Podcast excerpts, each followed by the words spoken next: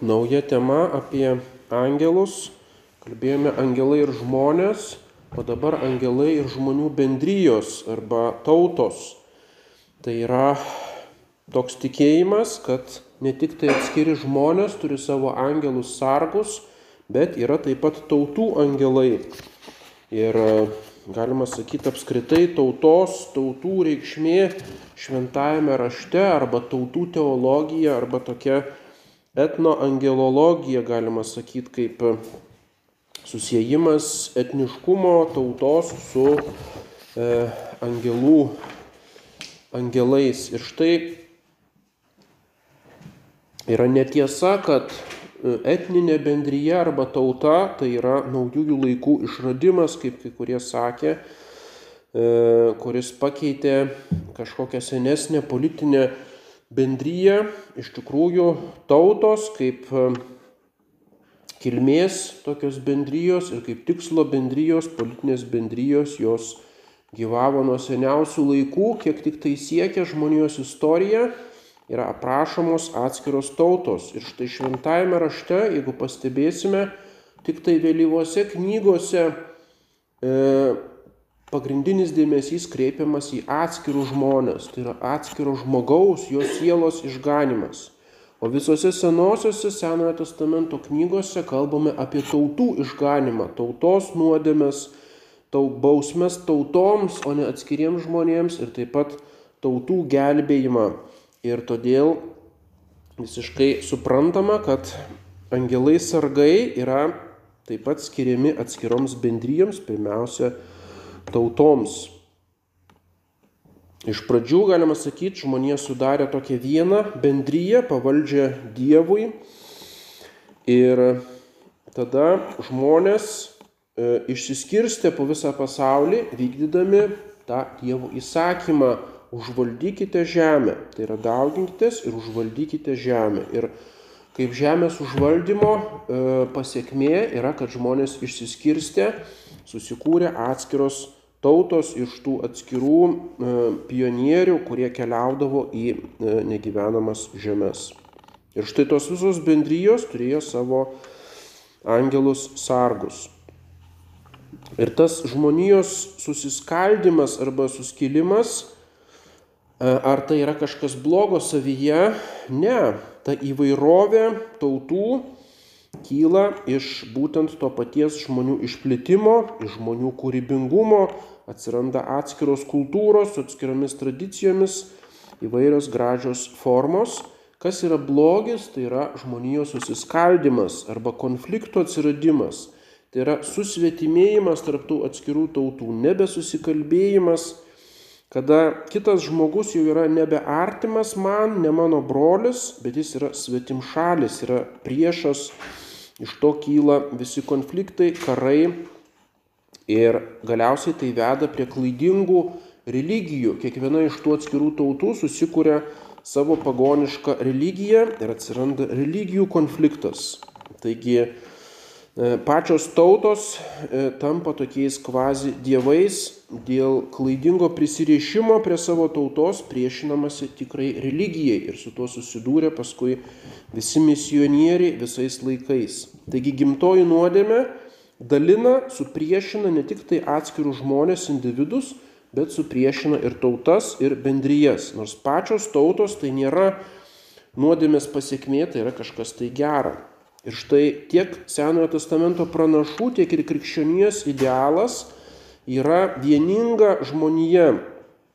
Arba tai, ką vadiname oikumena. Oikumena tai yra visas gyvenamasis pasaulis Ir štai tos oikumenos vieninga visą ją apimanti bendruomenė, kurią bandė įgyvendinti Aleksandras Makedonietis, bandė įgyvendinti Romos imperija ir paskui buvo krikščioniškos imperijos toksai idealas, kad reiškia visą apgyvendintą pasaulį turėtų apimti viena tokia kultūros, civilizacijos ir politikos tokia bendruomenė. Toks buvo idealas visais laikais.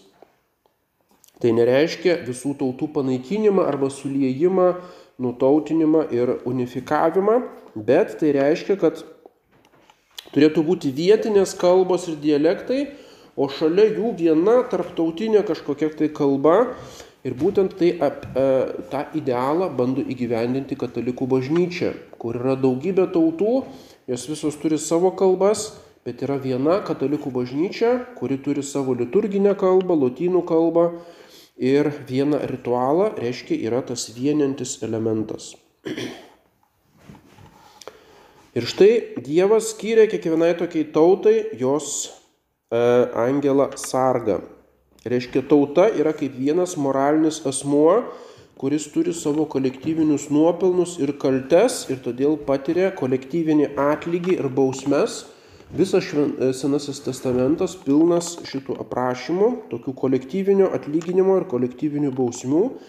Ir tada turi būti kolektyvinė globa Dievo, būtent vykdoma per tuos angelus. Ir šalia angelo sargo yra demonas gundytojas. Reiškia, po nuodėmės kiekviena tauta turi savo tokį šio pasaulio kunigaikštį. Reiškia, visa žmonija kaip tautų visuma tapo pavaldi Luciferiui, demonų hierarchijos galvai, šio pasaulio kunigaikščiui. Ir štai kiekviena tauta turi savo tokį kunigaikštį, kuris, galima sakyti, skatina jos pagoniškąją religiją Ir tautų karai yra karai tarp angelų. Reiškia, angelas ir sargas ir demonas kovoja tarpusavyje dėl kiekvienos atskiros sielos, bet taip pat dėl kiekvienos tautos. Ir tų tautų kovos tai yra iš esmės religiniai karai, dalyvavimas angelų kovose. Taip kaip žemiškoji liturgija yra dalyvavimas angeliškoje, dangiškoje liturgijoje. Ir štai Mm, Senajame testamente yra skaičiaus 70 simbolika. E, pradžios knygoje yra pateiktas tautų katalogas iš 70 tautų ir kalbama apie 70 jų angelų sargų arba tokių kunigaikščių. Reiškia, angelai kaip kunigaikščiai 70 jų skaičius. Jau e, iki Senojo testamento Ugarite pas kananiečius taip pat buvo 70 Elio, Dievo Elio sūnų, reiškia Dievo sūnų, sūnus, būtent šitie e, demonai kunigaikščiai.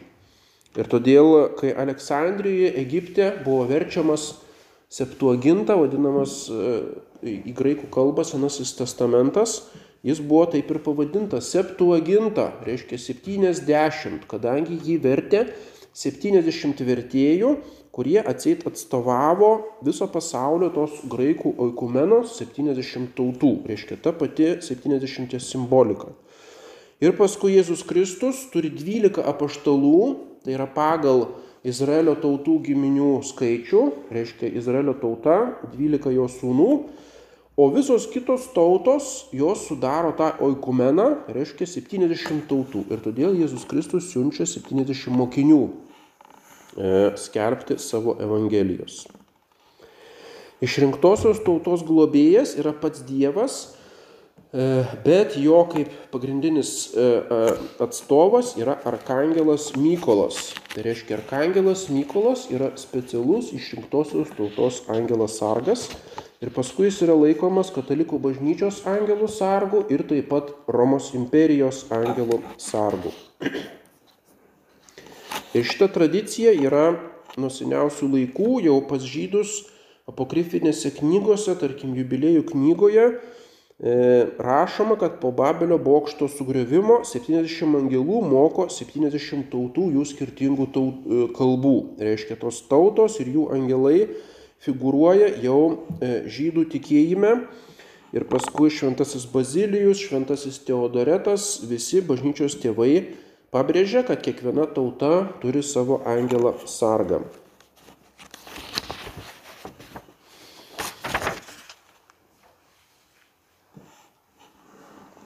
Įstatymo, pakartoto įstatymo knyga 32 skyrius, tai yra Mozės giesmė. Kai aukščiausiasis skyrė tautoms jų paveldą, kai dalino Adomo palikuonis, Tada jis nustatė tautų ribas pagal Dievo sūnų skaičių. Bet viešpaties dalis yra jo tauta, Jokūbas yra jo paveldas. Tai reiškia, dar prieš Babelio bokšto, reiškia tą visą istoriją, Dievas jau dalyjo Adomo palikuonis, sakė, skleiskitės po visą pasaulį ir, reiškia, nustatė tautų ribas, panašiai kaip jis nustato ribą tarp sausumos ir vandens, reiškia, ir tos tautų ribos pagal Dievo sūnų skaičių. O kas tie Dievo sūnus? Tai yra būtent tie tautų angelai sargai. Galima sakyti, pirmiausia yra paskiriami tautų angelai sargai, o paskui kiekvienam iš jų priskiriama tam tikra teritorija arba tam tikra Adomo palikonių dalis. Ir vis, iš visų jų išsiskiria viešpatės dalis, kuri yra pavaldi nebe kažkokiam angelui, o tiesiogiai Dievui. Ir tai yra Jokūbas kaip Dievo paveldas, reiškia Izraelio tauta. Danieliaus knyga 10 skyrius. Tuomet jis, tai yra vyras švytinčių veidų, tai tikriausiai arkangelas Gabrielius, nebijok Danielį, nes nuo pat pirmos dienos, kai apsisprendėjai suprasti ir nusižeminti prieš Dievo valią, tavo žodžiai buvo išgirsti, bet Persijos karalystės didžiūnas, tai reiškia tasai kunigaikštis arba Persijos karalystės angelas sargas, 21 dieną buvo man priešingas Tikėk manimi, Mikaelis, vienas iš vyr, vyriausių didžiūnų, atėjo man pagelbėti. Tai reiškia, arkangelas Mykolas atėjo pagelbėti man, tai yra arkangelui Gabrieliui. Aš palikau jį ten su Persijos karalystės didžiūnu ir atėjau padėti tau suprasti, kas turi atsitikti tavo tautai dienų pabaigoje. Tuomet jis mane paklausė, ar tu žinai, dėl ko aš atėjau pas tave. Dabar aš turiu grįžti kovoti su Persijos didžiūnu. Kai aš nueisiu, ateis Graikijos didžiūnas, reiškia Graikijos angelas sargas. Bet aš turiu pasakyti tau, kas yra įrašyta tiesos knygoje, ne vienas man nepadeda varžyti su šiais didžiūnais, išskyrus mūsų didžiūną Michaelį.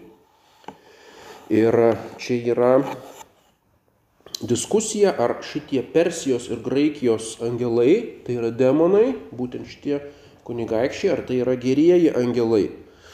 Ir mm, Atrodo, kad daug bažnyčios tėvų sako, kad tai nėra demonai, bet net ir pagonių tautos turi savo geruosius angelus sargus ir tarp e, angelų sargų gali būti nesutarimas, ta prasme, kad e, kiekvienas angelas sargas globoja savo tautą ir jeigu iškyla konfliktai tarp atskirų tautų, tai kiekvienas remia savo tautą.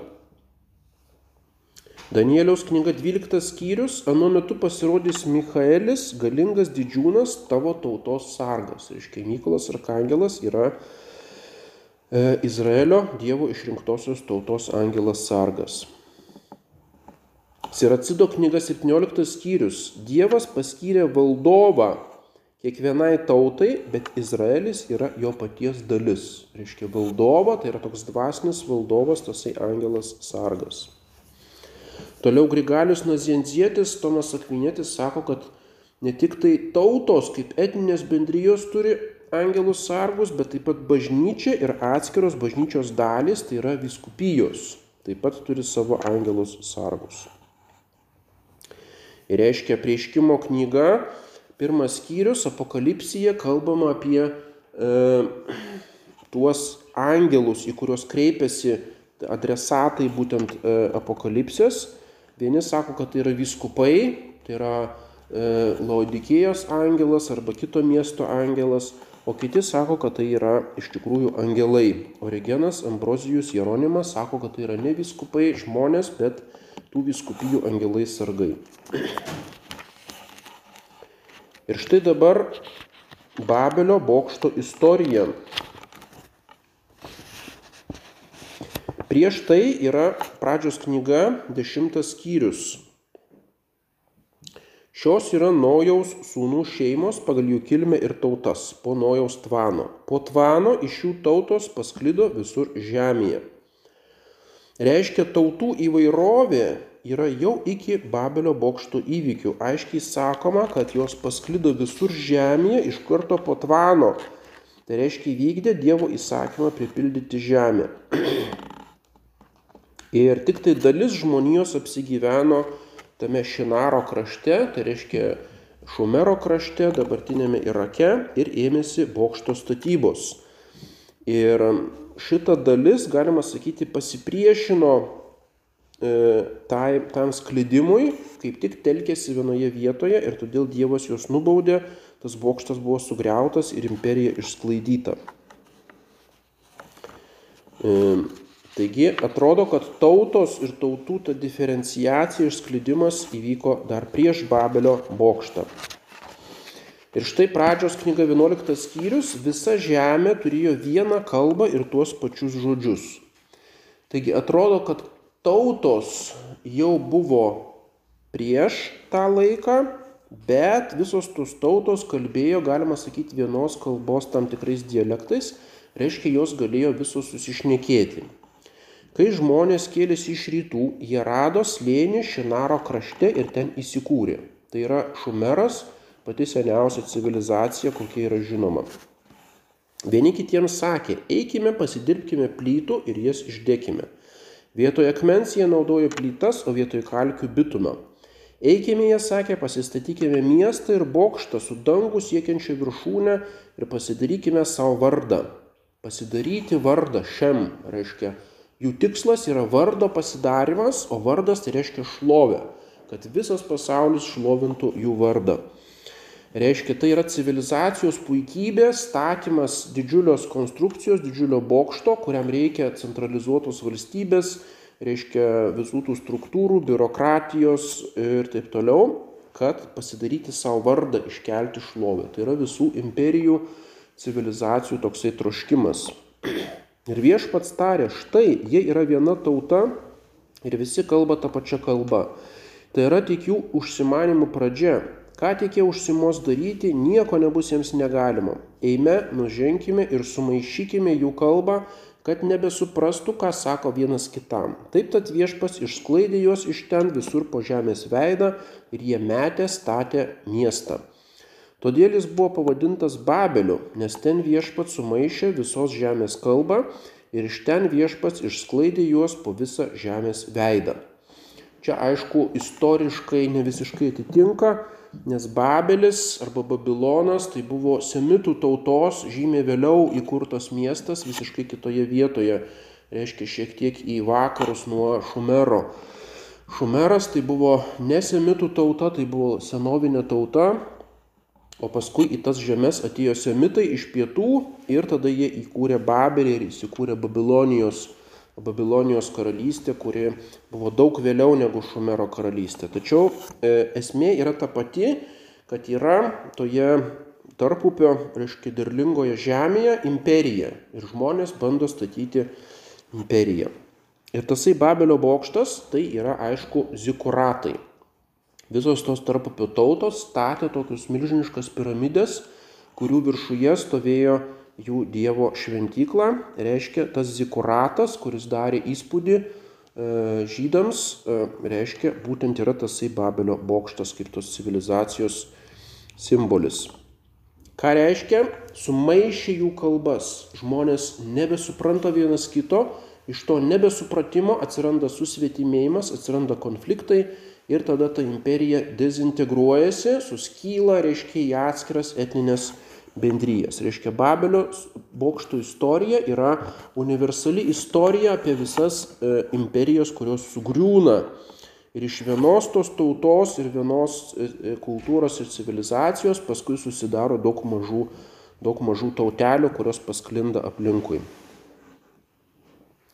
Ir štai eikime, nuženkime ir sumaišykime jų kalbą. Tai yra daugiskaita. Ką tai reiškia? Atrodo, kad Dievas kreipiasi į tuo, tą Dievo sūnų, Elohimų, reiškia tarybą. E, reiškia, angelai tampa šitais tautų kunigaikščiais. E, iš pradžių Dievas valdo vienas tas visas tautas, paskui jos pasidaro atskiromis tautomis ir tada angelai tampa jų atskirais valdovais. Eikime, sumaišykime. Galima sakyti, Dievas pasinaudoja tais angelais E, išardant tą Babilonijos imperiją. E, arba galima sakyti, kad jis apleido šitą tautą ir leido demonams arba puolusiems angelams pasidalinti tas tautas kaip tokį neteisėtą grobį. Tai yra velniška uzurpacija, kaip bausmė žmonėms. Reiškia, leido demonams tapti pagonių tautų dievais, tokiais kvazi savo konkurentais ir kurie vėliau bus pagunda jo paties sukurtai žydų tautai. Visos tautos buvo Jahves, o dabar tos tautos sukilo puikybė prieš Jahvę, tai yra vis ta pati reiškia puikybės nuodėmė, statykime bokštą, pasidarykime savo vardą. Reiškia, ir dabar Jahvė sako, gerai, jūs norite būti nepriklausomi nuo manęs, Dievas lyg jų išsižada ir palieka jas demonams. Ir dabar kiekvienas tas demonas valdys kiekvieną tautą, e, bus tų zikuratų viršu, viršuje arba kokio nors marduko ar dar kito dievo, reiškia, ir tos tautos vergaus tiems savo klaidingiems dievams, reiškia, demonams. Tai yra bausmė, pagonybė kaip bausmė, reiškia, už žmonių nuodėmes. Ir esmė tai yra Dievas susikūrė savo atskirą tautą, galima sakyti, visiškai iš nieko, iš nevaisingo Adomo ir nevaisingo Saros kurios normaliai neturėtų būti tos tautos, reiškia, kaip Jėzus sako, Dievas gali iš akmenų savo pagimdyti tautą, tai yra tokia stebuklinga tauta, nebenatūrali tauta. Ir šita tauta gaus pažadėtąją žemę, jinai bus e, valdoma tiesiogiai Dievo.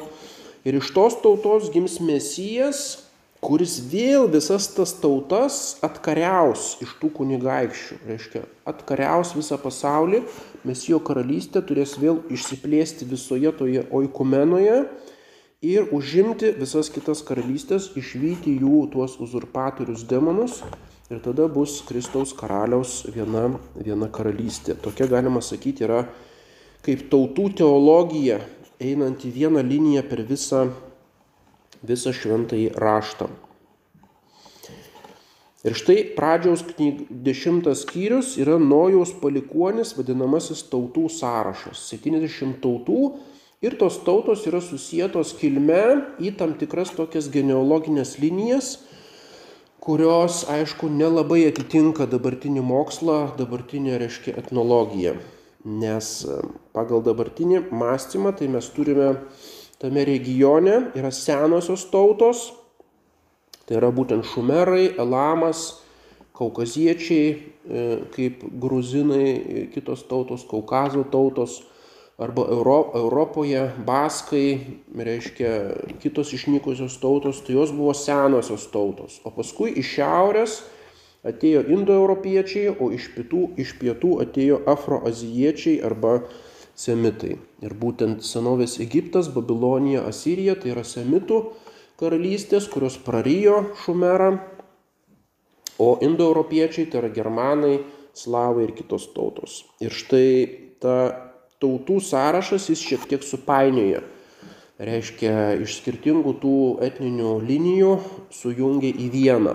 Ir čia aišku galima e, knaisiotis, kaip ten suderinti tas visas teorijas. Tačiau esminė linija yra tokia, kad Adomas ir Jėva buvo rojuje, tai yra Edenas. Kur yra tas, kur tas rojus buvo, kurioje vietoje, labai sunku lokalizuoti. Atrodo, kad jis yra tenais, kur išteka Eufratas ir Tigras ir dar dvi upės. O kur jos išteka, tai dabartinėje Turkijoje. Reiškia maždaug tenais kažkur tai turėjo būti tasai rojus, iš kurio paskui visa žmonija išplito. Ir šitas plitimas buvo prieš tvaninis išplitimas, nes žmonės iš tikrųjų išplito dar iki tvano, kuris įvyko maždaug 3000 metų prieš Jėzų Kristų. Ir mes turime žmonės Australijoje visokie aborigenai, turime Amerikoje, Tasmanijoje, ugnies žemėje, reiškia į visą planetą žmonės iš, išplito dar iki tvano laikų. Paskui įvyko tvanas, kuris buvo lokalus tvanas Mesopotamijoje. Ir po šito tvano iš Mesopotamijos, reiškia dabartinis Irakas, jau žmonės antra banga išplito Nojaus palikuonis, apie kuriuos ir rašo pradžios knygos dešimtas skyrius. Reiškia tos 70 tautų Tai yra ne pirminės tautos, kurių yra daugybė visame pasaulyje, bet būtent tos tautos potvaninės tautos. Ir šalia tų tautų išliko šitie nefilimai arba tie milžinai, apie kuriuos kalbėjome. Paskui sekantis įvykis įvyko Babilone. Irgi dabartinis Irakas, tokia lokali katastrofa, kur Dievas sugriovė tą Babelio bokštą ir vėl trečias tautų išsklaidimas. Reiškia, ta in, imperija dezintegruojasi ir vėl tautos pasklinda. Paskui Dievas išsirenka Abraomą ir Abraomo palikuonis, tai yra ir Moabitai, ir Elamitai, tos tautos, kurios kaimynai buvo Izraelio ir dalis jų pavergė tuos nefilimus arba milžinus. Reiškia, dauguma šitų milžinų jau buvo įveikta Abraomo palikonių. Paskui Moze išveda žydų tautą, yra Izraelio palikonis, kurie pavergė ir likusius nefilimus milžinus, ir senuosius Abraomo palikonis, tai yra mobiečius elamiečius. Paskui žydai yra nepaklusnus Dievui Ir vėl jie pasklinda. Žydų diaspora, reiškia, yra Asirijos tremtis, Babilonijos tremtis, žydai pasklinda po visą oikumeną. Reiškia, žydų bendruomenės atsiranda Egipte, atsiranda Europoje, atsiranda iki pat Indijos. Reiškia, žydai išsklaidomi tarp tautų, galima sakyti, patys žydai išrinktoji Dievo tauta patiria Babelio prakeiksmą, patys dezintegruojasi ir tampa pavaldus tų tautų demonams arba dievams, bet bando išlaikyti savo, savo religiją. Tačiau kalbą dažniausiai praranda ir todėl tos įvairios žydų etninės grupės jos priėmė vietinės kalbas. Tarkim, visi tie šiauriniai žydai kalba vokiečių tautos dialektų jidiš, reiškia jau nebe hebrajų kalba. Arba Ispanijos žydai sefardai kalba ispanų tautos, reiškia, ispanų kalbos dialektu. Arba kur nors Gruzijoje jie kalba gruziniškai, arba Kryme kalba, reiškia, totorių, totorių tautos dialektų ir taip toliau. Ir tada ateina persų karalius, kuris leidžia atstatyti Jeruzalės šventyklą ir dalis tų žydų grįžta į šventąją žemę po Babilono tremties, bet dešimt genčių lieka kažkur išsisklaidžiusios pasaulyje, reiškia po Persijos karaliaus dekreto e, vėl atsikūrė tasai Izraelis, pastatoma nauja šventykla, bet ją pastato tik tai dvi gentis, o visos dešimt genčių kažkur tai dingo, reiškia vadinamos dingusios gentis. Ir paskui iš to likučio, kuris atstatė šventyklą, kyla Kristus, Jėzus Kristus Mesijas, Ir jisai pradeda šitą integracijos procesą, reiškia visas tas per daugelį kartų iš, išsklaidytas tautas vėl pradeda burti į vieną šitą kolektyvinę bendryją, surenka dalį pagonių ir dalį žydų, susikūrė bažnyčia kaip naujasis Izraelis, naujoji išrinktoji tauta. Tačiau dauguma žydų atmeta ją ir lieka toliau išsisklaidę. Ir štai paskutinė švento rašto knyga Apokalipsė grįž tasai žydų tautos likutis. Ir mes skaitome, kad e, 12 tūkstančių e, iš tos giminės, 12 tūkstančių iš tos giminės, 12 tūkstančių ir taip išskaičiuojama visos 12 genčių, reiškia 144 tūkstančiai išrinktųjų iš kiekvienos genties. Ką tai reiškia? kad atsiras tais apokaliptiniais paskutiniais laikais tos dingusios dešimt žydų genčių, kurios dabar prapuolusios, niekas nežino, kur jos yra, jos vėl sugrįž į e, Jeruzalę, į pažadėtąją žemę, bus vėl integruota žydų tauta, kuri atsivers, priims mesiją. Tai yra apokaliptinis įvykis, žydų tautos galutinis surinkimas ir e, atvertimas ir tada nesuskaitomos minios iš visų tautų genčių, kurios yra pasaulyje. Tai yra apokaliptinė galutinė, galutinis suvienijimas visų į vieną tokią imperiją ir bažnyčią. Ir tada šita bažnyčia kovos prieš tautų dievus, prieš šitos uzurpatorius demonus, prieš antikristą, prieš Gogą ir Magogą. Šita kova, e, apokaliptinė kova prieš, e, reiškia, tos integracijos priešus ir tada pergalė prieš antikristą ir visa ta žmonija išvaduotojų eis į dangaus karalystę. Tokia maždaug yra linija tautų galima sakyti, teologijos per visą šventą įraštą. Taigi yra tam tikra demoniška hierarchija, yra šitonas arba Luciferis kaip vienas viso pasaulio kunigaikštis, o jam pavaldus yra atskirų tautų, pagoniškų tautų e, kunigaikščiai arba tokie e, angelai. Ir būtent apie tai skaitome Jono Evangelija 12 skyrius, dabar teisiamas šis pasaulis, dabar šio pasaulio kunigaikštis bus išmestas laukan. O aš, sako Jėzus Kristus, kai būsiu pakeltas nuo žemės, visus patrauksiu prie savęs. Reiškia, visus tas tautas patrauksiu, suvienysiu į vienis, vientisą e, dangaus karalystę. Jono Evangelija 14 skyrius, jau nebedaug su jumis kalbėsiu, nes ateina šio pasaulio kunigaikštis, nors jis nebeturi man galios, bet pasaulis privalo pažinti juk aš myliu tėvą ir taip darau, kaip jis yra man įsakęs. Pirmas Jono laiškas antras skyrius. Rašau jums vaikeliai, Kristaus vardu atleistus jums nuodėmės, jūs nugalėjote piktą jį. E, tai reiškia tą šetoną Luciferį Nemylėkite pasaulio nei to, kas yra pasaulyje. Jei kas myli pasaulį, nėra jame tėvo meilės. Nes viskas, kas yra pasaulyje, tai kūno geismas, akių geismas ir gyvenimo puikybė, o tai nėra iš tėvo, bet iš šio pasaulio. Tai būtent tie trys ginklai arba ta gale kūno geismas, akių geismas, gyvenimo puikybė, kaip šitie tautų demonai būtent tas pasaulio tautas ir valdo. Pirmas Jono laiškas, penktas skyrius. Mes žinome, kad esame iš Dievo, o visas pasaulis yra piktojo pavirktas. Reiškia, e, visas pasaulis yra kaip ta Luciferio imperija arba karalystė, prieš kurią sukyla naujai įsteigta Jėzaus Kristaus karalystė. Būtent yra pagrindinė tema Šventojo Augustino Dievo miesto. Reiškia, du miestai Jeruzalė ir Babilonas ir tarptų miestų kova. Reiškia, paskui tą simboliką perima Šventasis Ignacas savo rekolekcijose. Laiškas Galatams pirmas skyrius.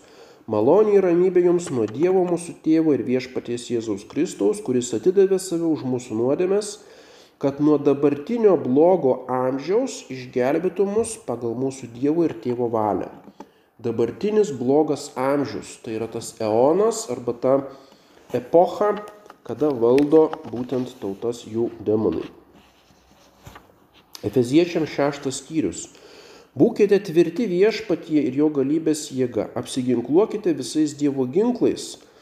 Mes grumėmės ne su krauju ir kūnu, bet su kunigaikštystėmis, valdžiomis, šių tamsybių pasaulio valdovais ir dvasinėmis blogio jėgomis dangaus aukštumose. Šio pasaulio valdovais graikiškai kosmokratoras, tų skotus tutų reiškia. Kosmokratoriai. Reiškia yra kosmosas ir yra kosmokratoriai arba tokie kosmoso diktatoriai, būtent šitie tos kunigaikštystės ir valdžios. Tai yra tie demonai, kurie valdo atskiras tautas.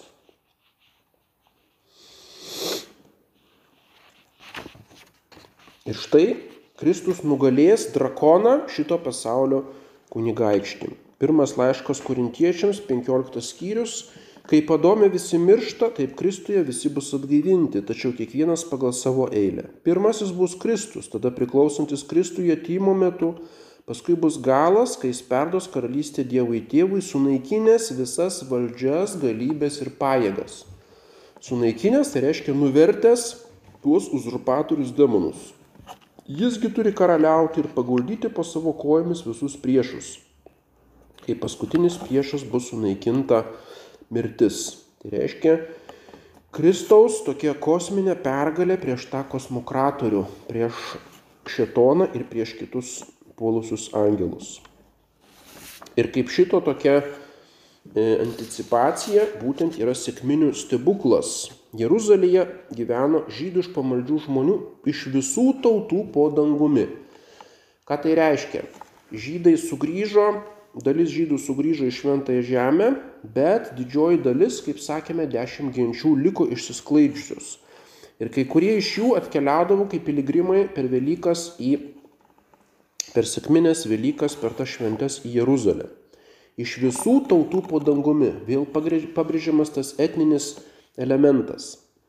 Ir pasigirdus užėsiui, kai atėjo šventoji dvasia, žmonės nustebo, kiekvienas girdėdamas savo kalbą juos kalbant. Argi va šitie kalbantis nėra galilėjiečiai, tai reiškia, jie kalba tokiu kaimietišku Galilėjos dialektu, iš kurio net judėjiečiai, reiškia, Jeruzalėje juokiasi. Tai kaipgi mes kiekvienas juos girdime savo krašto kalba. Mes, partai, medai, elamiečiai, Mesopotamijos, Judėjos ir Kapadokijos, Ponto ir Azijos, Frygijos ir Pampilijos, Egiptos ir taip toliau, ateiviai, romėnai, žydai ir prozelitai, kreitiečiai ir arabai. Mes visi girdime juos kelbent įstabius Dievo darbus mūsų kalbomis. Iš tikrųjų atrodo taip, kad ten vis dėlto susirinko žydai. Tikrai ten nesusirinko kažkokie pagonis E, ten arabams kokiems nors, ar ten elamiečiams, ar medams iš Persijos, tai visai neįdomu, kad ten kažkokia sėkminių šventė Jeruzalėje. Reiškia, susirinko žydai, kurie jau buvo įsilieję į visas tas tautas, perėmė jų kalbas ir e, jie yra kaip atstovai ar reprezentantai, kaip tokia maža sėkla arba užuomasga tose visose tautose. Ir tas sėkminių stebuklas vėl jie visi gali suprasti, ką sako tie galilėjiečiai, reiškia apaštalai. Reiškia apverčiama Babelio bokšto istorija, kad žmonės nebegali susikalbėti, o dabar visi supranta. E, visi iš visų tautų atėję tie reprezentantai, tai yra kaip pradžia vienimo, vėl integracijos visų tautų viso pasaulio. Visos tautos po dangumi pabrėžiamas teologinis tautų pobūdis. Tautos turėtų priklausyti dangui Dievui, o jos yra vedamos šitų kunigaikščių demonų. Ir štai dabar ateina šventoji dvasia ir su šita charizma, reiškia, padeda apaštalams apversti Babelio bausmę. Ir reiškia, visi šitie žydai paskui gali sugrįžti į tas atskiras tautas ir liudyti e, šventosios dvasios veikimą. Reiškia, prasideda naujo Izraelio bažnyčios kūrimas.